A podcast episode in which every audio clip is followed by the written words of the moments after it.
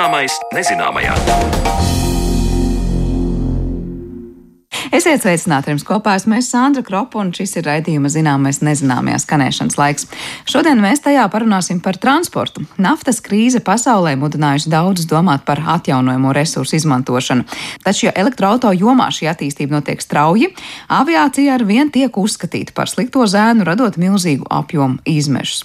Nesen pirmos lidojumus veikušas arī elektrolidmašīnas. Vai zaļā aviācija ir tuvu vai tālu nākotne, un kāpēc lidojumus padarīt klimata neitrāls ir krietni? Krietni izaicinošāk nekā samazināt izmešu sauszemes transportam. Par to visu runāsim jau pavisam drīz. Taču pirms tam skaidrosim, cik tālu esam līdz cilvēku pārvadātajiem droniem un pašbraucošiem auto mūsielās. Pirmais bezpilota vilciens sāka darboties 1981. gadā Japānas pilsētā Kobe, un šodien jau vairākās pasaules pilsētās ielās kursē dažādi tā sauktie autonomie transporta līdzekļi. Kā tie darbojas tagad un kādas iespējas tiem ir tuvākajā nākotnē, un vai droni kā cilvēku pārvadātāji ir drošs transports, par to vairāk interesējas mana kolēģe Zana Lāca Baltalksne. Nu, mēs varam skatīties arī vēl senāk, teiksim, zirgs. Ja tu biji galīgi atslēdzies uz zirga, viņš tev vienmēr aizved mājās. Tā uz manu jautājumu par pirmo autonomo transporta līdzekli smējot atbild elektroauto uzlādes tīkla uzņēmuma Eleport Latvija vadītājs Kārlis Menziņš. Taču piekrītam, ka Japāna bija pirmā valsts, kur pagājušā gadsimta 80. gados sāka darboties vilcieni un metro bez vadītāja iekšā minētajos transporta līdzekļos. Tehnoloģijām attīstoties, šodien jau vairākās pasaules valstīs ikdienā kursē bezpilota jeb autonomi vadāmās ierīces - traktori, kombaini, autobusi, mazgabarīta roboti preču piegādātāji. Arī pie mums pirms diviem gadiem Jelgavā un aizkrauklē testa režīmā šajās pilsētās kursēja bezpilota pasažieru autobuss. Turpmākajās minūtēs palūkosim, kā šīs iekārtas darbojas. Par to vārds Kārlim Menziņam. Nu, noteikti vairāk uz to ir uzsvars Japānā. Tur tomēr ļoti rūpējas par gados veciem cilvēkiem, kas vairs nevar vadīt automašīnas dažādu iemeslu dēļ. Tāpēc viņiem vajag kādu, kas viņus vedīs. Bet vai viņus vedīs tas, kurš ir ekonomiski aktīvs cilvēks? Atkal nē. Tāpēc jautājums ir par to, kā nogādāt uh, seniorus no punkta A uz punktu B, lai viņi būtu arī aktīva daļa no sabiedrības. Līdz ar to tas viņiem ir ļoti aktuāls jautājums. Bet mēs varam sagaidīt, ka drīzumā arī Eiropa pieņems noteiktu likumdošanu, kas ļaus vairāk vai mazāk transporta līdzekļiem pārvietoties pašiem. Cik viegli vai grūti, ja mēs runājam par to tehnisko konstrukciju, ir šādu transporta līdzekli eksploatēt? Atšķirs taču tomēr, vai tas ir mazlitrāžs auto, vai tas ir vilciens, un vai tas iet ar 20 km/h vai 200 km/h? Jā, protams, ir milzīgas atšķirības eksploatācijā, un mēs varam sagaidīt, kad runa ir par transporta līdzekļiem, ka tie būs tīri elektriskie transporta līdzekļi, jo tur var mazāk kaut kas noiet greizi. Tīri šī vienkāršā iemesla dēļ. Kā arī jau ir milzīga baterija klāta, nu, vai elektrības pieslēgums, tad attiecīgi var neuztraukties par to, ka tev dators tērē milzīgus apjomus elektrības. Tad nākamais aspekts, kas pazūd ar laiku, šobrīd gan ir ļoti vajadzīgs, ir tas, ka cilvēks vēro, ko dators dara. Šobrīd eh, ir tā, ka, ja tu Amerikā pasūti taksi pašbraucošo, otrā galā attālināti, nezinu, kurā pasaules galā, bet tomēr vēro, vai viss notiek kārtībā tā, kā tam vajadzētu notikt. Un, ja nenotiek, nospiež lielo sarkano pogu, viņš viss nometās pa mēmo, un tālāk vadību pārņem cilvēks. Vai tā ir arī e, jau pieminētajā Japānā, un arī es zinu, Šveicē, un Francijā un Ķīnā arī ir tie autonomie sabiedriskie transporta līdzekļi? Vai tur arī vienmēr ir cilvēks, kas monitorā attālināti skatās? Šobrīd jā, tas ir arī daļa no likumdošanas, bet arī pašiem tiem testētājiem. Kamēr šī tehnoloģija nav nu, līdz galam atļauta, līdz galam iztestēta, tikmēr vienmēr ir tas attēlinātais cilvēks. Arī tas autobus, kas bija Jālgavā, kas braukāja un aizkrauklē, tam arī attēlināts cilvēks sēdēja, vai arī viņš pat bija tur iekšā kā pašazieris un vienā brīdī varēja pārņemt kontroli. Ja es pareizi saprotu, ja mēs runājam par šiem autonomajiem transporta līdzekļiem, pirmais noteikums tie ir elektriskie. Man tas nav obligāti elektriskais, tas vienkārši ļoti daudz atņem rūpes. Par pašu transporta līdzekli. Mēs varam skatīties arī uz tipisko benzīna, dīzeļa, gāzes darbināmajiem transporta līdzekļiem. Varam arī skatīties vēl tālāk, varbūt saspiestā gaisa, bet tīri enerģijas izmantošanas viedokļa ziņā elektrība ir visērtākā. Kur ir tie transporta veidi, kurus šobrīd jau dažādās pasaules valstīs kursē bez vadītāja? Saprotu, autobusi, vilcieni, metro. Ko mēs varam redzēt, kas tūlītās būs, tas ir tie transporta līdzekļi, kas nav domāti ceļiem. Noliktavas pārvadātāji, kas pārvadā kastes vienkārši no viena plaukta uz otru plauktu. Nu, tādi noteikti ātri vien būs bezpilota, ja tā varētu teikt vēl būs eh, lēngaitas, tīri tā, tā kā golfa mašīnas. Tur vienkārši atbrauc uh, punkts A, viņam ir dots noteikts ceļš, ko viņš var braukt. Ja mēs iedomājamies brīvības ielu, tur teiksim, ir piecas šobrīd ļoti platas joslas, sašaurinātu uz četrām un iedotu divas mazākas joslas šīm golfa mašīnītēm. Tad viņas maršrutētu vienkārši par to maršrutu, pa brīvības ielu, turpu šurpu. Tu vari iekāpt, izkāpt gluži kā atvērtajā tramvajā, nu, kaut kā tā. Kā ir ar lauksaimniecības tehniku, jo jau tagad kombinācija un traktori ir aprīkoti ar vadības pultīm? Tieši tā, es runāju ar vienu lauksaimnieku, un viņš teica, tas, ko viņš dara, ir nospiež sākt podziņu, un pēc tam viņš tur sēž un skatās YouTube. Būtībā vienīgie brīži, kad viņš iesaistās, kad viņš zina, ka uz lauka ir kaut kāds objekts, kurš ir obligāti jāapbrauc tad viņš uh, skatās, vai dators patiesi viņu apbrauks. Ja ne, tad viņš pārņems kontroli. Visbiežāk dators tiek galā ar to. Tepat mūsu ziemeļu kaimiņos Igaunijā jau pāris gadus pa Tallinas ielām kursē roboti kurjeri. Baltas kastītes uz riteņiem, kuras piegādā ēdienu vai neliela izmēra preces. Bet turpinot skatīt bezpilota auto iespējas, ja vien infrastruktūra to pieļauj, tad nākamais solis ir likumdošana, kas dod zaļo gaismu šādiem, piemēram, Lēngaitas pilsētas vāģiem, teica Kārlis Menziņš. Ja mēs tīri runātu par tādiem lēngaitas, kādus es raksturoju, šeit es domāju, tiešām maksimums 30 km/h, realitātē 25, varbūt 20. Tas ir atkarīgs no likumdošanas. Līdz ko atļaus, es domāju, uzreiz būs pirmie gribētāji. Mums jau ir labs 5G tīkls, kas īstenībā ir ļoti svarīgs priekš šādām mašīnām, jo vajag lielus datu apjomus pārsūtīt eh, no mašīnas uz centrālo vietu un atpakaļ. Būtībā viss, ko mums vajag, ir, lai šis robotizētais, vai autonomais, vai bezpilots, kā mēs viņu gribam nosaukt, lai tas transporta līdzeklis ir uz šī ceļa un viņam šis ceļš ir dots. Jo vizuālā redze mašīnām jau ir normālā līmenī. Ja mēs paskatāmies uz automašīnām, tad Tesla ražotājs, kad viņi parāda to video, kā mašīna atpazīst objektus apkārt, dažreiz tas ir labāk nekā cilvēks. Tas nozīmē, ka arī var izslēgt ar negadījumu skaitu, jo nu, nekas jau nav perfekts un ilgmūžīgs, tehnika ieskaitot. Es teiktu, tā man būtu lielāka drošība palaist savu bērnu uz skolu, ja visas mašīnas būtu vadītas ar datoriem. Es justos daudz drošāk. Jo dators nekad nebūs piedzēries, viņš nekad nebūs pārguris, viņš nekad neskatīsies, ko dara aizmugurējā beņķī kāds nevar zināt. Varbūt viņam arī nebūs no rīta sieva uzkliegusi. Nu, Ne, tas viss ir iespējams, bet kā ir, nu, ka elektronika nu, var pēkšņi mēdz nobloķēties, vai durvis neataisās, vai aiztaisās nelaikā ciet, vai novirzās no kursa eh, konkrētais transporta līdzeklis. Jā, tādi gadījumi noteikti pastāv. Būtu stulbi pateikt, ka tā nenotiek. Bet ko mēs varam ar garantu pateikt, ka tas notiks daudz retāk un tādas varbūtības, ka kaut kas noies greizi. Ja mēs paskatāmies tīri statistiku, ko ir publicējusi Google ar saviem pašbraucošajiem, ko publicējuši testi ar saviem pašbraucošajiem, tas ir pilnīgi nesalīdzināms, cik dators jau tagad ir labāks par cilvēku. Jā, viņiem gadās kļūdas, bet tās ir ievērojami retāk.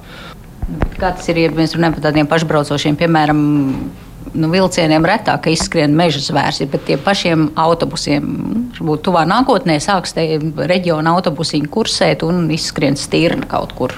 Tā labākā ziņa ir, ka tā tehnoloģija spēj paredzēt jau to, vai izlaiks vai neizlaiks priekšā. Ja cilvēks pamana būtībā jau, kad ir par vēlu. Nu, kamēr norieģē, nu, labi, acis piefiksē, smadzenes apstrādā, tad vēl kājai jānospiež pedāls. Datoram tas viss notiktu čik, čik, uzreiz būtībā. Tādā ziņā es domāju, ka visiem būs daudz drošāk. Un dators arī aprēķināt tos drošākos scenārijus. Kamēr cilvēks varbūt tās izdomās mest stūri pa kreisi vai pa labi un sāks ripot vēl. Dators izdomātu, ok, mazākais risks ir tāds, tad to mēs arī darītu. Ja iepriekš minētie transporta līdzekļi kursē vairāk vai mazāk pa noteiktu trasi, tad tāls ceļš vēl ir ejams līdz pašbraucošiem pasažieru auto. Jo, kā teica Kārlis Mēnziņš, tad pirmkārt to nepieļauj esošie ceļu satiksmes noteikumi, kas paģēra, ka rokām ir jābūt uz stūres, bet ja nav stūres, tad kā to izdarīt? Un otrs traucēklis šādiem robotu auto ir citi autovadītāji, kuru rīcību robots nevar paredzēt. Līdz ar to tā vēl ir daļēji utopija. Tieši tāpat kā bezpilota gaisa lidaparāti, kas varētu pārvadāt cilvēkus, neraugoties uz to, ka šādi dronu prototipi jau eksistē.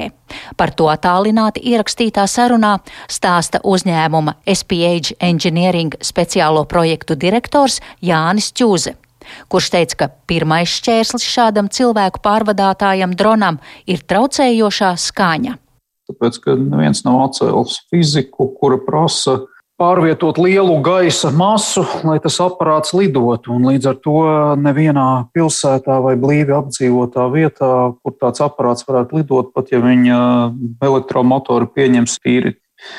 Hipotētiski neradīs nekādu troksni, tā pārvietotā gaisa plūsma radīs pietiekami lielas nērtības, tā skaņā arī troksni šņākoņas veidā un savādāk.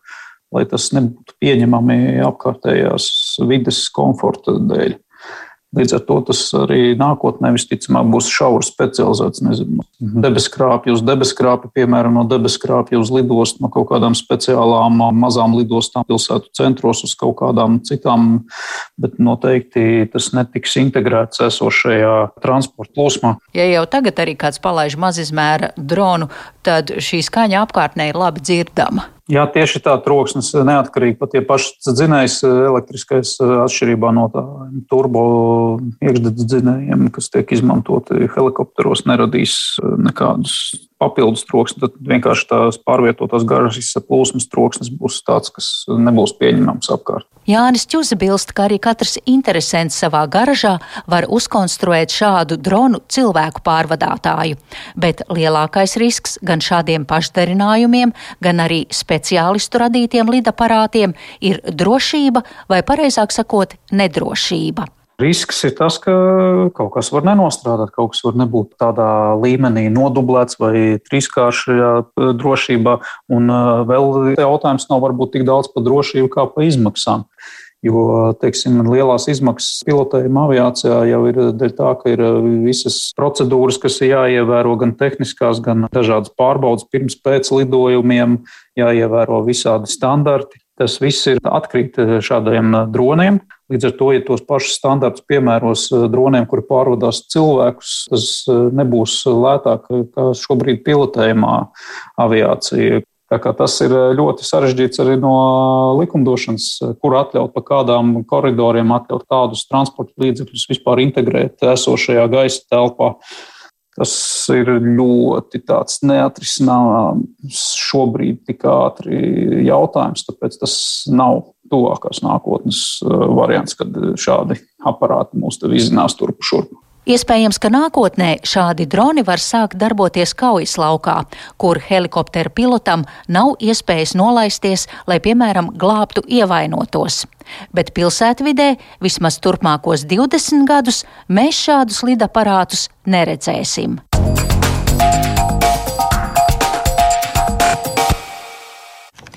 Tik tālu par to, cik drīzā nākotnē ielās varēsim pārvietoties lidojot un cik drīz automašīnas šofers būs pats auto, bet raidījuma turpinājumā pievēršamies zaļajām tehnoloģijām aviācijā. Par zaļāku transportu runājam mēs jau ilgi, un pēdējā gada naftas krīzes kārtībā reiz apliecina, ka fosīlie kurināmie nav nākotne. Taču elektroauto jomā attīstība ir ļoti strauja. Ir kāda transporta sektors, kurā zaļie risinājumi ir krietni izaicinošāki, un te runa ir par aviāciju. Vai elektroautorāta lidmašīna varētu būt drīza nākotne, nu, cik tāls ceļš ir līdz klimata neitrāliem lidojumiem. Par to mēs šodien runāsim ar mūsu attālinātās studijas viesiem. Šodien pie mums ciemos Rīgas Tehniskās Universitātes Aeronautikas institūta direktors Ilmārs Blumbergs. Labdien! Labdien! Un lidmašīnas kapteinis Artis Rieksniņš. Sveicināti! Labdien! Nu, sākšu es laikam ar to, vai aviācijā mēs patiešām varam runāt par to, ko mēs daudz sapņojam, par to, ka atjaunojamie resursi tiks izmantot un būs tāda CO2 neitrāla aviācija. Cik tālu mēs tajās runās un darbos esam, un kāds ir jūsu abu personīgais viedoklis, kāda izskatītos tā izmešu neitrāla aviācija? Es sākšu Ilmāra ar jums. Jā, paldies. Nu, attiecībā uz tiem izmešiem ir jau svarīgi līdzīgi kā ar elektroautorātu neļauties maldiem to, ka tad, kad viņš pārvietojas, ka tad nav izmeši. Ja? Jāsaka, protams, ir bilde kopumā, bet arī kopumā skatoties, ja mēs gribam pārvietoties ātri, tas nozīmē, ka tas ir energoietilpīgs transporta veids, ja, jo, jo tas neizbēgami prasa vairāk enerģiju nekā lēni pārvietojoties. Bet uh, kopumā aviācijā jau ir pat uh, vispasaules lidojums veikts tīri uz elektrolidmašīnu. Tā kā šie prototipi visi sādi jau ir, un, piemēram, mācību procesā, pilota apmācības procesā jau ir elektrolidmašīnas, jau, jau, jau tiek izmantotas un, un eksistē jau tādu kā mazā sērijā tiek ražota pat. Tā kā šis process ir, bet neizbēgami klasiskais eh, akumulātoru jautājums eh, ir tas, kas eh, šobrīd vēl mm, kavē lielāku attīstību, straujāku attīstību. Un tas, ko mēs pirmo redzēsim, tās būs hibrīda lidmašīnas, ceļš lielajā aviācijā. Tur, protams, vēl ir ilgs certificēšanas ceļš veicams, jo aviācija numur viens ir drošība pāri visam. Ja? Un, attiecīgi, visa tā certifikācija aizņem uh, diezgan ilgu laiku. Un nākošais visdrīzāk tomēr tas būs ūdeņraža um, tehnoloģijas, kuras mēs redzēsim tālajā, tādā vidēji maģistrāla tālajā aviācijā. Jā, par to, cik tā ir tuvu vai tālu nākotne, mēs parunāsim. Vismaz Eiropas par 35. gadu runāju. Es nezinu, vai tā ir tuvu vai tālu jūsuprāt nākotne. Arti, kāds ir tas tavs redzējums? Vai tu arī teiksi, tās ir hibrīda lidmašīnas, vai tās ir ūdeņraža darbināmas lidmašīnas, vai tomēr es nezinu, cits redzējums ir?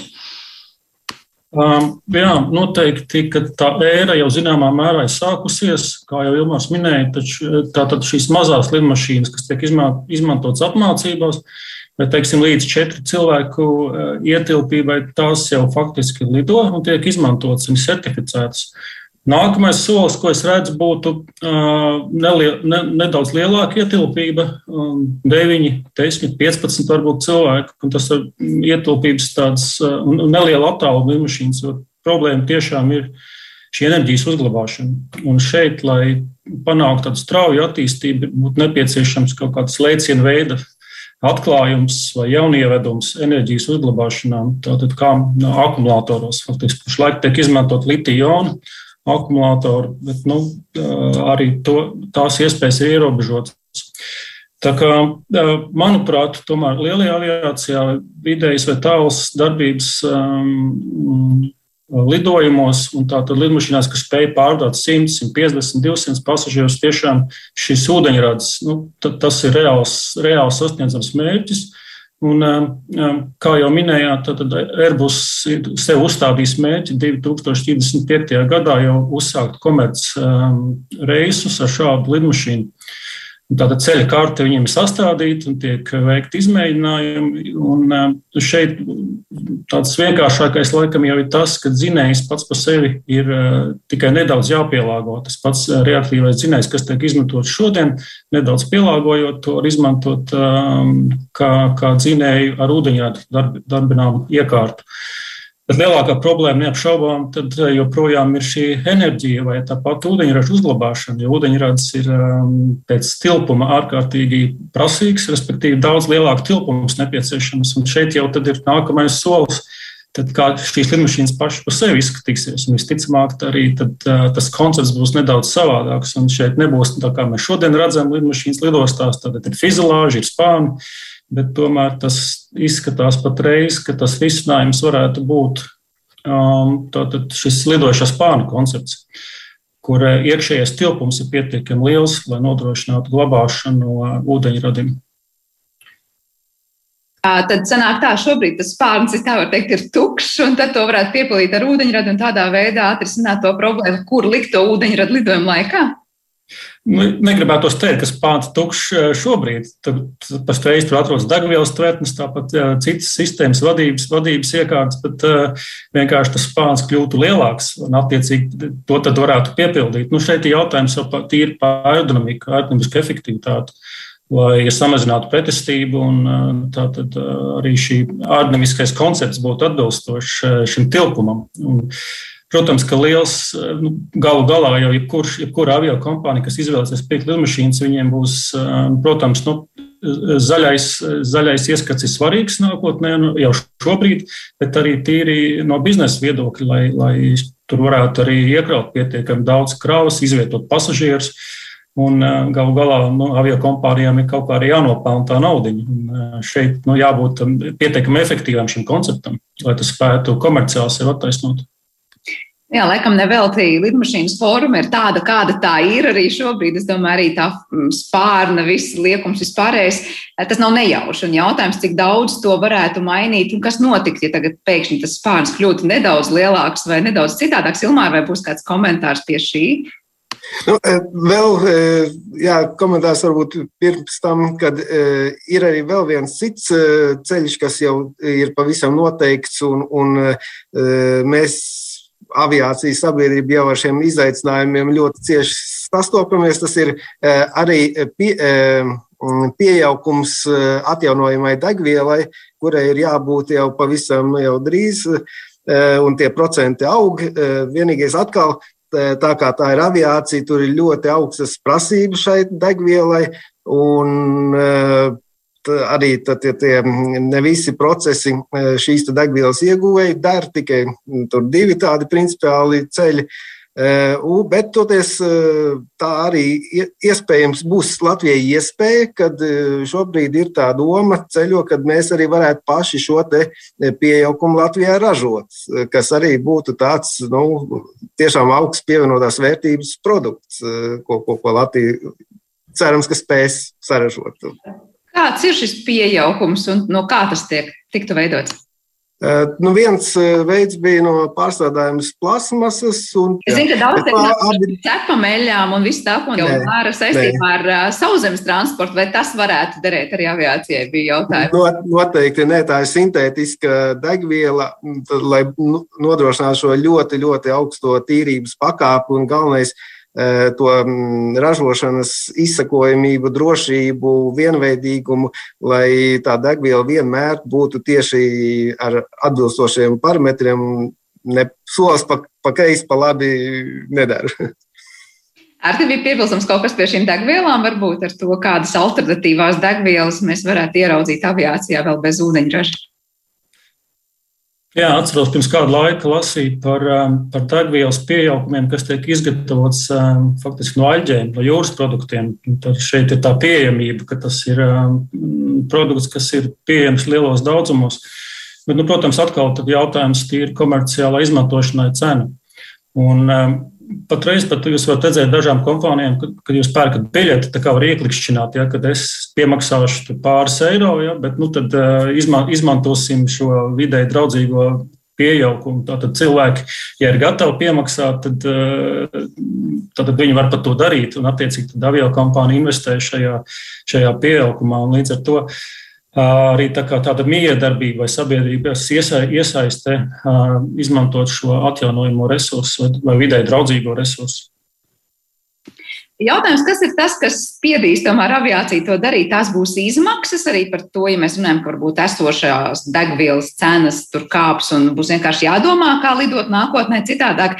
Eh, grūti iedomāties to optimistisko scenāriju, ka būs tik daudz eh, aviācijas pasažieru, kas prasīs un ar savu naudu būs gatavi teikt, jā, es gribu to zaļo lidojumu, vai tā būs likumdošana, jūsuprāt? Eh, kas būs tie pirmie soļi, kas spiedīs to neutralitāti sasniegt? Nu, Tā ir noteikti ir jābūt, un tā parasti ir e, tieši likumdošana, jo principā tā, e, kas ir ekoloģisks, kas nav, tas ir tomēr vairāk vai mazāk pirmkārt politisks lēmums, un pēc tam ir e, ekonomisks arī lēmums.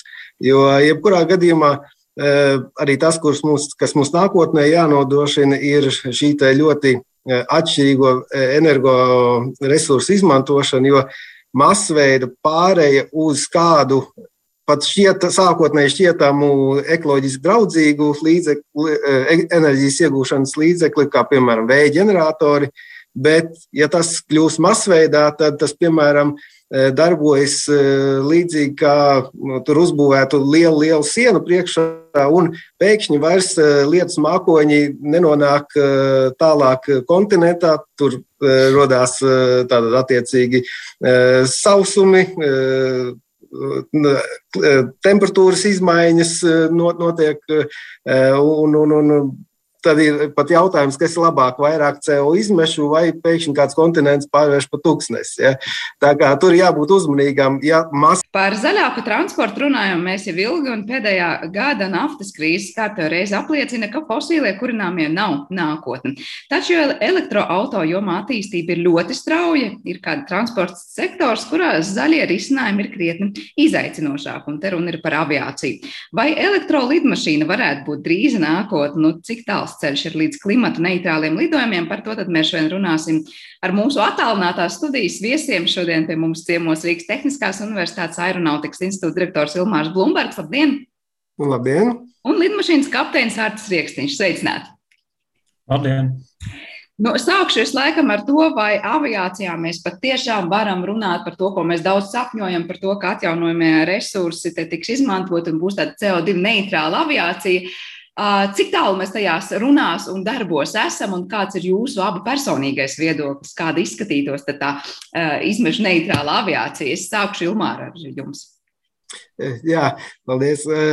Nu, attiecībā uz tiem izmešiem ir jau svarīgi līdzīgi kā ar elektroautorātu neļauties maldiem to, ka tad, kad viņš pārvietojas, ka tad nav izmeši. Ja? Jāsaka, protams, ir eh, bilde kopumā, bet arī kopumā skatoties, ja mēs gribam pārvietoties ātri, tas nozīmē, ka tas ir energoietilpīgs transporta eh, veids, ja? jo, jo tas neizbēgami prasa vairāk enerģiju nekā lēni pārvietojoties. Bet uh, kopumā aviācijā jau ir pat uh, vispasaules lidojums veikts tīri uz, uh, ar elektrolidmašīnu. Tā kā šie te, prototipi visi sādi jau ir, un, piemēram, mācību procesā, pilota apmācības procesā jau ir elektrolidmašīnas, jau, jau, jau tiek izmantotas un, un eksistē jau tādu kā mazā sērijā tiek ražota pat. Uh, Tā kā šis process ir, bet neizbēgami klasiskais eh, akumulātoru jautājums eh, ir tas, kas eh, šobrīd vēl kavē lielāku attīstību, straujāku attīstību. Un tas, ko mēs pirmo redzēsim, tās būs hibrīda lidmašīnas, ceļš lielajā aviācijā. Tur, protams, vēl ir ilgs certificēšanas ceļš veicams, jo aviācija numur viens ir drošība, pāri visam. Ja? Un, attiecīgi, viss tā certifikācija aizņem uh, diezgan ilgu laiku. Uh, un uh, nākošais, visdrīzāk, tomēr tas būs ūdeņraža um, tehnoloģijas, kuras mēs redzēsim tālākajā, tādā vidēji maģistrāla tālākajā aviācijā. Jā, par to, cik tā ir tuvu vai tālu nākotne. Mēs parunāsim vismaz Airbus par 35. gadu runāju. Es nezinu, vai tā ir tuvu vai tālu jūsuprāt nākotne. Arti, kāds ir tas tavs redzējums, vai tu arī teiksi, tās ir hibrīda lidmašīnas, vai tās ir ūdeņraža darbināmas lidmašīnas, vai tomēr es nezinu, cits redzējums ir. Um, jā, noteikti, ka tā ēra jau zināmā mērā ir sākusies, kā jau Ilmārs minēja, taču tātad šīs mazās lidmašīnas, kas tiek izmantotas apmācībās, uh, Bet, teiksim, līdz četru cilvēku eh, ietilpībai tās jau faktiski lido un tiek izmantotas un certificētas. Nākamais solis, ko es redzu, būtu uh, nelie, ne, nedaudz lielāka ietilpība, um, 9, 10, 15 varbūt cilvēku. Un tas ir ietilpības tāds uh, neliela attāluma lidmašīnas, jo problēma tiešām ir šī enerģijas uzglabāšana. Un šeit, lai panāktu tādu strauju attīstību, būtu nepieciešams kaut kāds lēcienu veida atklājums vai jaunievedums enerģijas uzglabāšanā, tātad kā akumulātoros. Faktiski pašlaik tiek izmantot litiju-ionu akumulātori, bet nu, arī to, tās iespējas ir ierobežotas. Tā kā, manuprāt, tomēr lielajā aviācijā vidējas vai tāls darbības um, lidojumos, un tātad lidmašīnās, kas spēj pārdot 100, 150, 200 pasažierus, tiešām šis ūdeņrads, nu, tas ir reāls, reāls sasniedzams mērķis. Un, kā jau minējāt, tad Airbus ir sev uzstādījis mērķi 2035. gadā jau uzsākt komerc reisus ar šādu lidmašīnu. Tāda ceļa karte viņiem ir sastādīta un tiek veikti izmēģinājumi. Un eh, šeit tāds vienkāršākais laikam jau ir tas, ka dzinējs pats par sevi ir eh, tikai nedaudz jāpielāgo. Tas pats reaktīvais dzinējs, kas tiek izmantots šodien, nedaudz pielāgojot to, var izmantot kā, kā dzinēju ar ūdeņradu darb, darbināmu iekārtu. Bet lielākā problēma neapšaubām eh, joprojām ir šī enerģija vai tāpat ūdeņraža uzglabāšana. Jo ūdeņrads ir um, pēc tilpuma ārkārtīgi prasīgs, respektīvi daudz lielāku tilpumus nepieciešams. Un šeit jau ir nākamais solis. Tad kā šīs lidmašīnas pašas par sevi izskatīsies, un visticamāk, arī tad, uh, tas koncepts būs nedaudz savādāks. Un šeit nebūs tā, kā mēs šodien redzam, lidmašīnas lidostās. Tad ir fizilāži, ir spāni, bet tomēr tas izskatās patreiz, ka tas risinājums varētu būt um, šis lidošā spāņu koncepts, kur uh, iekšējais tilpums ir pietiekami liels, lai nodrošinātu glabāšanu no ūdeņradim. Tad sanāk tā, šobrīd tas spārns, tā var teikt, ir tukšs, un tad to varētu piepildīt ar ūdeņradu un tādā veidā atrisināt to problēmu, kur likt to ūdeņradu lidojuma laikā. Nu, negribētu teikt, ka spāns tukšs eh, šobrīd. Tad pašreiz tur atrodas degvielas tvertnes, tāpat jā, citas sistēmas, vadības, vadības iekārtas, bet uh, vienkārši tas spāns kļūtu lielāks un attiecīgi to tad varētu piepildīt. Nu, šeit ir jautājums par aerodinamiku, aerodinamisku efektivitāti. Lai samazinātu pretestību, un tātad arī šī aerodinamiskais koncepts būtu atbilstošs šim tilpumam. Un, uh, Protams, ka liels nu, galu galā jau jebkurš, jebkura avio kompānija, kas izvēlēsies pirkt lidmašīnas, viņiem būs, protams, nu, zaļais, zaļais ieskats ir svarīgs nākotnē, nu, jau šobrīd, bet arī tīri no biznesa viedokļa, lai, lai tur varētu arī iekraut pietiekami daudz kravas, izvietot pasažierus. Un galu galā nu, avio kompānijām ir kaut kā arī jānopelna tā nauda. Šeit nu, jābūt pietiekami efektīvam šim konceptam, lai tas spētu komerciāli sev attaisnot. Jā, laikam nevelti lidmašīnas forma ir tāda, kāda tā ir arī šobrīd. Es domāju, arī tā mm, spārna, viss liekums vispārējais, eh, tas nav nejauši. Un jautājums, cik daudz to varētu mainīt un kas notikt, ja tagad pēkšņi tas spārns kļūtu nedaudz lielāks vai nedaudz citādāks. Ilmār, vai būs kāds komentārs pie šī? Nu, eh, vēl jā, komentārs varbūt pirms tam, kad ir arī vēl viens cits ceļš, kas jau ir pavisam noteikts, un, un mēs aviācijas sabiedrība jau ar šiem izaicinājumiem ļoti cieši sastopamies. Tas ir eh, arī pie, eh, pieaugums eh, atjaunojamai degvielai, kurai ir jābūt jau pavisam jau drīz, un tie procenti aug. Vienīgais atkal tā kā tā ir aviācija, tur ir ļoti augstas prasības šai degvielai. Un arī tad, ja tie ne visi procesi šīs degvielas ieguvēji der tikai tur divi tādi principiāli ceļi. Bet toties tā arī iespējams būs Latvijai iespēja, kad šobrīd ir tā doma ceļo, kad mēs arī varētu paši šo pieaugumu Latvijā ražot, kas arī būtu tāds nu, tiešām augsts pievienotās vērtības produkts, ko, ko, ko Latvija cerams, ka spēs saražot. Kāds ir šis pieaugums un no kā tas tiek tiktu veidots? Nu viens veids bija no pārstrādājumas plasmasas. Un, es zinu, ka daudz cilvēku cepam eļļām un viss tā, un jau ar saistībā ar uh, sauszemes transportu, vai tas varētu derēt arī aviācijai, bija jautājums. Not, noteikti, nē, tā ir sintētiska degviela, tad, lai nodrošinātu šo ļoti, ļoti augsto tīrības pakāpu un galvenais ir to mm, ražošanas izsakojamību, drošību, vienveidīgumu, lai tā degviela vienmēr būtu tieši ar atbilstošiem parametriem, ne solis pa, pa kreisi, pa labi nedara. Ar tevi bija piebilstams kaut kas pie šīm degvielām, varbūt ar to, kādas alternatīvās degvielas mēs varētu ieraudzīt aviācijā vēl bez ūdeņraža. Jā, atceros, pirms kāda laika lasīju par, um, par degvielas pieaukumiem, kas tiek izgatavots um, faktiski no aļģēm, no jūras produktiem. Tad šeit ir tā pieejamība, ka tas ir um, produkts, kas ir pieejams lielos daudzumos. Bet, nu, protams, atkal jautājums ir komerciālā izmantošanai cena. Un, patreiz pat jūs varat redzēt dažām kompānijām, kad, kad jūs pērkat biļeti, tā kā var ieklikšķināt, ja, kad es piemaksāšu pāris eiro, ja, bet nu, tad uh, izma, izmantosim šo vidēji draudzīgo pieaugumu. Tātad cilvēki, ja ir gatavi piemaksāt, tad, uh, tad viņi var pat to darīt, un attiecīgi avio kompānija investē šajā, šajā pieaugumā. Līdz ar to arī tā tāda miedarbība vai sabiedrības iesaiste izmantot šo atjaunojamo resursu vai vidē draudzīgo resursu.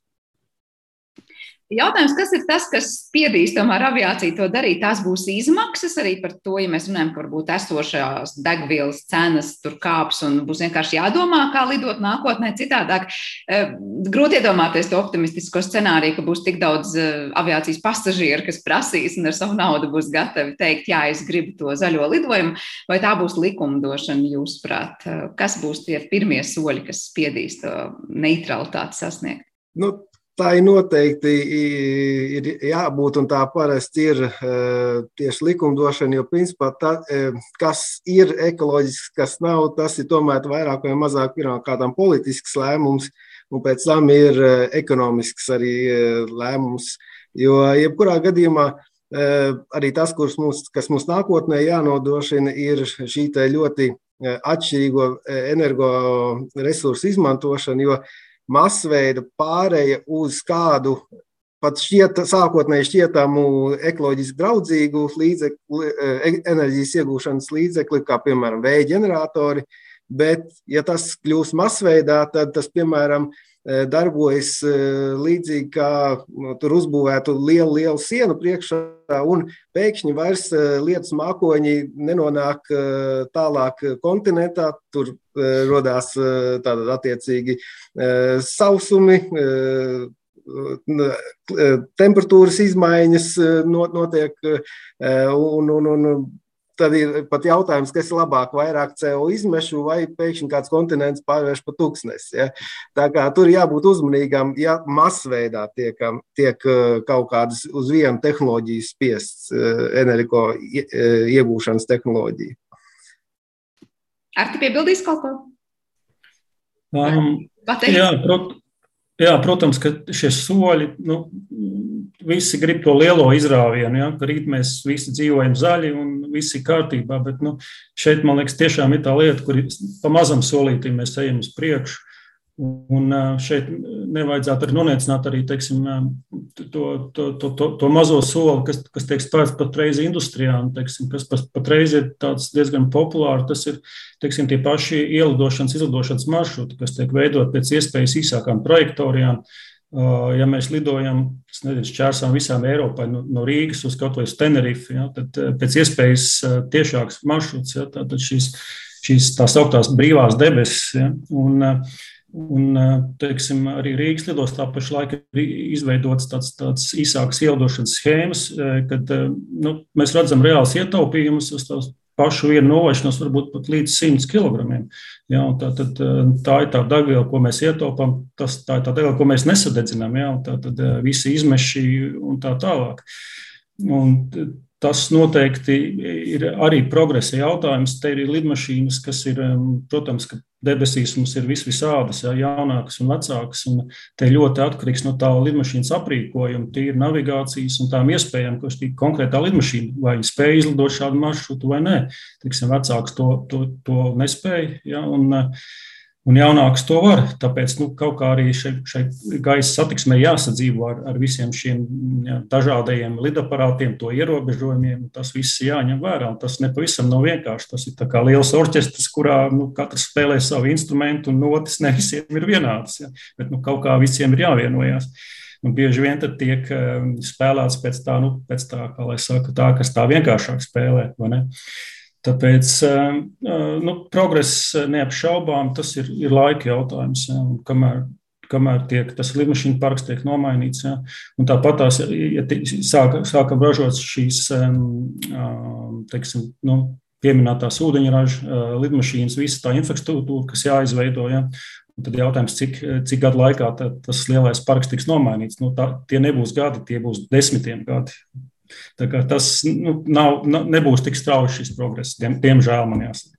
Bet arī kamēr, piemēram, tas notiek desmitiem gadu laikā, Nu, es pieņemu, ka arī pašas lidostas, ja tas nozīmē, tiek aprīkotas tā, lai viņas vienlaikus spēj apkalpot nu, ļoti atšķirīgas lidmašīnas. Un mēs pat nerunājam par elektrolidmašīnām, ja tādas būtu lielās, kur nu, tās vēl būtu jānodrošina. Tur, nezinu, uzlādes un apkalpes un vispārējais. Uh, bet ar tu pieminēji par tiem 100 km, 100 kg uz nolaišanos, ja, ja tas tiek darīts, kā saka, videi draudzīgi un pēc tam trajektorijām. Vai ir vēl kādi dati, kas parāda, nu, cik tie mazie solīši ļauj ietaupīt šobrīd aviācijā? Es pieņemu, nu, salīdzinājumā ar braukšanu ar automašīnu, mēs varam braukt ar 130 km/h un 90 km/h. Mēs zinām, ka tas degvielas patēriņš būs atšķirīgs. Cik daudz šobrīd, es nezinu, esot gaisā, pilots ir tas, kas nosaka, ar kādu ātrumu viņš lidos, vai tomēr tur būs stingras vadlīnijas, kas pateiks ātrāk, nē, tikai tāpēc, ka degvielu patērēsim vairāk.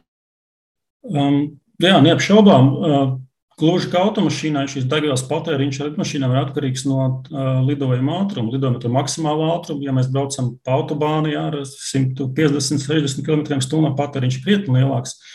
Un tāpēc uh, faktiski tiek izmantot ekonomiskie ātrumi. Tie lidmašīnai ir atkarīgi katram lidmašīnas modelim, atkarībā no, no uzbūves, no, no spāna profila un tā tālāk. Uh, Un, tas arī kaut kas tāds, ar ko ir jāsadzīvo. Ceļš tādā blīvākā satiksmē, arī gaisa telpā mēdz būt blīva satiksme, kur ir noteikti attālums starp lidmašīnām. Bieži vien mēs nevaram lidot ekonomiskajā ātrumā, mums jāizmanto kāds konkrēts, vienkārši lai mēs iekļautos plūsmā. Bet uh, realitāte neapšaubām ir tāda, ka uh, pašlaik, sevišķi, kad degvielas cenas uh, strauji ceļās, kā mēs redzam, gan benzīna tankos, automašīnām, gluži tāpat tas ir arī lidmašīnām. Uh, tiek, tiek domāts par iespējām samazināt šo patēriņu. Un viens, viens no būtiskiem aspektiem ir tieši šāda lidojuma ātruma, ekonomiskā lidojuma ātruma izvēle, neapšaubām. Tad mazās lietas, kā teiks, mazie soļi, kas tiek likti kopā, lai to lielo ainu nomainītu. Vēl runājot par to, ja tehniski mainītos tagad tās lidmašīnas, nu labi, mēs runājam par mazajām pavisam, kas ir elektriskās lidmašīnas. Es domāju, ko tas prasītu pilotam sākt pēkšņi lidot ar nezinu, elektrisku lidmašīnu, vai tas ir mācīties lidot no jauna. Vai jebkurš pilots, kurš šobrīd zina, kā vadīt lielās lidmašīnas, mācētu vadīt to arī tad, ja tā būtu elektriskā lidmašīna. Nu, aerodinamika neapšaubām ir tāda pati, gan, gan lielai, gan maz, mazai lidmašīnai. Spārns ir tāds pats, daudz da, vairāk vai mazāk, un arī tā vadība faktiski ir tāda pati. Nu, šeit ir vairāk, man liekas, psiholoģisks tas jautājums, ja, ka tagad nu, man nav tā degviela, man ir, man ir tagad, vai nu kas būtu akumulators, teiksim, ja, un tad sekot līdzi, cik daudz man ir tā uzlāde palikusi, un cik tie procenti, ja, un cik ātri viņi krītās tie procenti. Tas, tas, tas tā. Otrs, nu, protams, ir nu, tīri tādas jau tehnikas zināšanas un lidmašīnas um, iespēju pārzināšana. Ja, tad, cik daudz man ir nepieciešams, lai aizlidotu no punkta A uz punktu B. Un, un vienmēr jau ir, kā aviācijā pieņemts, jābūt plānam B vai, ne, vai plānam D vai, vai, vai tā tālāk. Ja nu es nevaru nosēsties tajā gala mērķī, lai man pietiktu joprojām nu, kaut kāda rezerve būtu, lai es aizlidotu uz citu lidostu, kuras var droši nolaisties. Bet, eh, bet tā kā pēc būtības es eh, nedomāju, ka tas, eh, ka tas ir nu, tik, tik ļoti liela atšķirība. Tā tiešām vairāk ir psiholoģiski un domāšanas pārkārtošanas jautājums. Nu, par automašīnām runājot, vienmēr saka, ka uzreiz startējot, tas ātrums tiek sasniegts krietni ātrāk. Lidmašīnā būtu līdzīgi, ieskriešanās būtu pilnīgi citādāk. Nu, nē, tā, tā gluži nevar, nevar teikt. Ne? Tas, jo, jo teiksim, nu, mēs izmantojam dzinēju jaudu, kas nav saistīta, vai tas, tas lielais griezes moments, kas raksturīgs elektrodzinējiem, lidmašīnai īsti nepalīdz. Šeit varbūt vienkārši ir interesanti nianses, kad, lidmaši, kad lidmašīnas nevar izmantot rekuperāciju. Un, ja, ja automašīnas bremzējot, var atgūt daļu no enerģijas, vai ne? Tā kā, tad uh, lidmašīnām gluži tādu iespēju nav. Ilmārs gribēja ko piebilst. Jā, tas, ka pilotiem vienīgais būs jābūt uzmanīgākiem pie nosēšanās, jo, ja parasti nosēžās ar tukšu, tukšām bākām, tas nozīmē vieglāk lidmašīnu, tad ir akumulātori, tad tur tā masa nemainās, un viņiem jānosēž būtībā tā tikpat smaga lidmašīna kā paceļās, ja tur tāda niansīta elektrolidmašīnās. Es jau pat teiktu, ka tas pat atvieglo uzdevumu, jo, jo savā ziņā viegla lidmašīna, smaga lidmašīna, šī amplitūda var būt ļoti liela, un lidmašīnai faktiski tā uzvedība ir diezgan atšķirīga. Tāda, man jau savā ziņā liekas, pat smagāk lidmašīna ir vieglāk nosēdināt, viņa ir stabilāka. Tā kā mm, šeit varbūt tas pat atvieglo, bet, nu, jā, neapšaubām, tas ir kaut kas, kas jāņem vērā. Jā. Jā, tad nu, vēl par svaru runājot, pasažieru svara izmaiņas droši vien pilna vai tukša lidmašīna, vai ne arī droši vien varētu būt tas, kas pie elektrolidmašīnas varbūt arī liks sev manīt. Uh, vēl es gribēju vaicāt uh, Ilmāram, vai nu, mēs tikko runājam ar Arti par to, kas mainītos pilotam, ja būtu tā elektrolidmašīna. Jūs pirms tam teicāt, nu jūsu tā, tā nākotnes vīzija vairāk ir par hibrīdu lidmašīnām. Kā jūs redzat, kā nākotnē vai tuvākā nākotnē nozare nāks klajā ar vēl kaut kādiem nu, pilnīgi jauniem paziņojumiem, es nezinu, vai pilnīgi jauniem ievadumiem, tīri infrastruktūras ziņā, kā aprīkot to pašu lidmašīnu apkalpošanu. Vai mēs te varēsim redzēt tādas lēnas, lēnas pārmaiņas un knapi vien pamanīsim, ka kaut kas patiesībā industrijā ir pārmainījies. Artis varētu jau tīri no savas pieredzes pateikt, kā piemēram pārvietojoties pa skrejceļu, izslēdzot vienu dzinēju, jau tiek iekonomēta arī degviela, kas jau šobrīd jau notiekās. Ja. Bet tiešām ļoti nu, diezgan būtisku iespaidu atstāja arī šī pārvietošanās pa skrejceļu, kur arī ir pietiekuši daudz vietas optimizācijai. Un tas būs viens no hibrīda arī priekšrocībām lidmašīnu, kur pa skrejceļu varētu pārvietoties jau ar maziņu elektromotoru iebūvētu lidmašīnas riteņos, jo nu, lidmašīnu dzinējiem nepatīk lēna pārvietošanās. Viņi ir domāti ātrām pārvietošanām, nu, tad viņi darbojas nu, netik efektīvi. Nu, un, protams, trokšņa līmeņi, kas nepatīk visiem, kas blakus dzīvo lidostām, tos arī krietni varētu samazināt. Eh, un, Un, un jā, tad eh, arī sabremzējoties, lidmašīna pēc nosēšanās var šo enerģiju nevis vienkārši izkūpināt gaisā, eh, bremzējot, pārvēršot siltumā, bet gan arī pārvēršot elektroenerģiju, ar kuru atkal pēc tam palīdzēt lidmašīnai pārvietoties tālāk pa visiem skrejceļiem.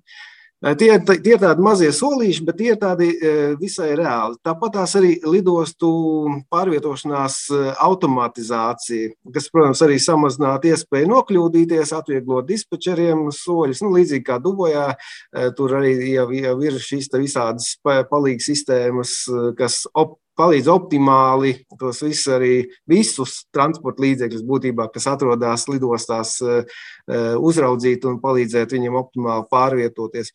Vēl kas attiecās uz elektroenerģiju, arī kāpēc nebūs lielās elektrolidmašīnas. Eh, vienkārši jau šobrīd, lai ātri uzlādētu automašīnu, tās strāvu stiprumi ir fenomenāli lieli. Tur, principā, tie kabeļi, kas jau, jau šobrīd tiek pie, pievadīti pie, pie eh, tām uzpildes stacijām, nu, ir nu, tāda rokas resmo. Ja. Lidmašīnām, kam ir simtām reižu pat lielāka enerģija nepieciešama, nu, tur būtu blakus jābūt kaut kādai elektrostacijai, tecam vai, vai nu, tas vienkārši neiespējami. Ja. Līdz ar to, jebkurā gadījumā, to enerģija jāsakoncentrē piemēram, tajā pašā ūdeņradī vai e, kādā ekoloģiskā veida degvielā, un tad jau koncentrēti jāiztransportē uz lidostu, un tad viņi ir iespējams arī ātri, ātri uzpildīt. Jo nu, arī atkal Arts noteikti pateiks, ka e, lidmašīnai nepārtraukti jābūt gaisā, lai viņa atmaksātos jau, un katra stāvēšana uz skrejceļa tie ir zaudējumi ko nu, nevar atļauties. Ar te būs piebildes par tikko minēto? Jā, nu, protams, protams, tā interese jau ir to lidmašīnu izmantot, un tādējādi tiek tas, tā ekonomiskā efektivitāte panākt. Tas vienkārši rīks, lidmašīna arī tā kā darba rīks, kuru, kuru tiek uh, tiek palielināts apgrozījums un, un gūta kaut kāda peļņa. Bet, jā, vienkārši viens komentārs par to uzlādi. Es atceros, ka lasīju par tādām mazākām arī elektriskām lidmašīnām, un tad tiek domāts, kā, kā tad veidot šo šo, šo, šos lidojumus. Tad viens no konceptiem bija, ka tiek, tiek, tiek domāts par to, kā izveidot lidmašīnu tādā veidā, nu, teiksim, šo mazo lidmašīnu, lai būtu iespējams ātri nomainīt šo, šo bateriju. Respektīvi, lidmašīna nosēžās, Nu, tur 10-15 minūšu laikā viena baterija tiek um, noņemta, otra tiek uzlādēta, uzlikta, un tad lidmašīna atkal ir gatava lidot. Nu, tas ir viens no konceptiem. Bet nu, pilnīgi piekrītu, ka lielā lidmašīnai tās būtu daudzas tonnas, ne, un tad to visu tur uh, pārkravāt un uh, pārlikt, tas, tas arī nebūtu ne ātri, ne ļoti viegli droši vien beig beigās ne arī vidē draudzīgi, pat ja tas tehnoloģiski būtu iespējams. Tad sanāk, liekot tādus punktiņus uz i jūsu abu teiktajiem, mēs varam runāt par šīm te elektriskajām lidmašīnām, kas jau tātad gan tiek izmantotas kaut kur, gan izmēģinātas. Mēs runāsim par ļoti, ļoti mazām lidmašīnām, kas būs šobrīd, jūs teicāt, ja līdz četriem cilvēkiem ar tas ir optimistiskāks, līdz kādiem deviņiem vai pat patsmit cilvēkiem un īsajām distancēm. Savukārt, ja mēs runājam par nedaudz lielākām, tur tomēr mēs redzēsim vai nu ūdeņradi kā uzvaras gājienu nesēju, vai arī šīs citas biodegvielas, ja, kas tiks piejauktas klāt. Plus, protams, pāri visam tas, kas notiek jau šobrīd industrijā, dažādi soļi, kas tiek spērti, lai efektīvāk lidotu, lai mazāk patērētu, lai tiešām mazāk tērētu pašā lidojuma laikā un arī nosēžoties un paceļoties debesīs. Bet noslēdzot šo sarunu, es vēl gribēju jums vaicāt, nu, dažreiz runājot ar citu nozaru pārstāvjiem, kur mēs runājam, nu, kā mēs samazināsim visas tās emisijas, izskan doma, ka tiksim galā tur ar sauszemes transportu vai tiksim galā ar enerģētiku un atstāsim to aviāciju mierā, jo tā būtu nozara, kas varbūt nemaz tik ļoti daudz tās emisijas mums beigu beigās neradītu. Kāds ir jūsu redzējums, vai mēs varam teikt, ka Lielās problēmas atrisināsim emisiju jautājumu ziņā, varbūt sakārtojot citas nozares, kur to varbūt iespējams ir izdarīt daudz vieglāk. Un aviācija, kur ir visi šie gan drošības pasākumi, gan lēnās, varbūt, un, un konservatīvās, varbūt tā daudz, kur eh, jauninājuma ieviešanas tehnikas, atstāsim ar to, nu, ko mēs tikko minējām. Pamainīsim ielidošanas, izlidošanas trajektorijas, mazliet varbūt biodegvielu pret, pret, pret esošo degvielu un, eh, un patiesībā lietu darīt. Ilmār. Nu, nē, nu, un arī tas jau principā, arī politiski Eiropā jau arī vismaz ir, ir izlēmts, ka ir jāiet uz šo te, mm, ekoloģisko kursu un tās, tām eh, izmešiem ir jābūt samazinātiem. Tur ir pat eh, noteikti tās eh, grafiki, tādai, uz ko tiekties un uz ko iet. Tas jau ir principā fakts, ja, kad, kad tās, tie samazinājumi būs. Protams, nu, progress ir tāds grūti prognozējama lieta, kur kāds izrāviens pēkšņi radīsies, kurā tehnoloģijā, tad droši vien uz to vairāk arī nākotnē eh, eh, tiks virzīts, bet arī par šīm akumulatoriem, kas it kā liekas tāds nu, mazajām lidmašīnītēm eh, iekšējos reisos, tad, principā, tieši starp citu izmešu ziņā, iek, tieši iekšēji reisi arī ir viss tie, kas no visa um, aviācijas pār, pārvadājumiem rada vislielāko šos te, uh, izmešu daudzumus uz vienu pasažieru kilometru. Piemēram, tas ir reiz, tas, tas, tas visļaunākais no aviācijas gala, kuru reiz šī elektrifikācija var, uh, var pozitīvi ietekmēt. Tā kā, tā, tā, tas kopumā noteikti būs tāds sajaukums. Vienā vietā lūk, šīs elektrolīdmašīnas palīdzēs šīs izmešas samazināt, citur savukārt atjaunojamās degvielas. Tā kā no visa maz, mazliet, ja. Jā. Ar tik kā, es nezinu, no pilota perspektīvas skatīties uz to, ko industrijai prasa un ko industrija var pretim dot, un beig beigās tie, kas ar to visu lidos. Nu, pilotiem, protams, tas, eh, tā galva varbūt tik daudz nesāp vismaz šajā brīdī un arī nākotnē. Man ir, ar ko lidot, tas jau ir pakārtots jautājums. Bet, nu, pilnīgi piekrītu, ka eh, strādās tiek eh, daudzos virzienos vienlaicīgi, un pašlaik kaut ko prognozēt nav tik viegli. Bet, nu, jā, pašlaik vienkārši to, ko mēs redzam, ka nu, tas ir tas ūdeņraža dzinēju spēks vai, vai degviela, degviela, kas ir lielajām lidmašīnām, un tad elekt, elektriski šie, šie akumulātori un elektrība, tas, tas varētu būt arī mazākām lidmašīnām. Tā jau ir realitāte. Nu jā, to, ko visi gaidām, tas neapšaubām ir šis izrāviens nu, atkal atkārtošos akumulātoru kapacitātē. Jā. Ja tur tiks panāks būtisks progress, kāds liecina veida atklājums, tad neapšaubām tas, tas ļoti ietekmēs. Un, Un arī, teiksim, jau arī, arī lielām lidmašīnām, teiksim, savā ziņā tā ir simbioze. Ne, jo pašlaik elektriski jaunākajos modeļos, teiksim, Airbus 350 un tam pašam Boeingam Dreamliner 787, šīs sistēmas arī jau paliek ar vien vairāk elektriskas, un tas savukārt atslogo dzinējus, un kur ir tātad mazāk, nu, patēriet degvielu. Un šeit jau tā cīņa pat ne par procentiem, par procentu desmitaļām, lai, lai tikai samazinātu šo degvielas patēriņu. Paši saprotiet, ja lidmašīna lido desmit stundas, tad eh, šis, šīs procentu desmitaļas, tas tie ir 100, 100 kg, kas tiek ietaupīti un kas ir vērā ņemams iegūms gan vidēji, gan, eh, gan arī, teiksim, lai samazinātu degvielas patēriņu izmešus. Jā, tā kā skaidrs ir viens to soļu jau netrūkst, un tie tiks spērti ar vienu uz priekšu, varbūt vairāk un, un, un lielāki, un cerams, ka pavisam lieli, bet tiešām tas ieguvums beig beigās jau patiesībā ir, un tas, ko Artis teica par šiem simtiem kilogramu varbūt uz lidojumu, tad mēs padomājam, cik lidojumu dienā visā pasaulē, un tur tā aina jau ir pavisam, pavisam iespaidīga. Paldies jums abiem par sarunu. Es atgādināšu, ka Rīgas Tehniskās Universitātes Aeronautikas institūta direktors Ilmārs Blumbergs un lidmašīnas kapteinis Arts Riekstīns šodien ar mums bija kopā raidījumā attālinātā studijām. Ar to arī raidījums ir izskanējis, un to producēja Paula Gulbinska par mūziku rūpējās Girds Bišs, bet pirms kopā bija es Sandra Kropa. Uz tikšanos jau atkal rīt. Visu labu!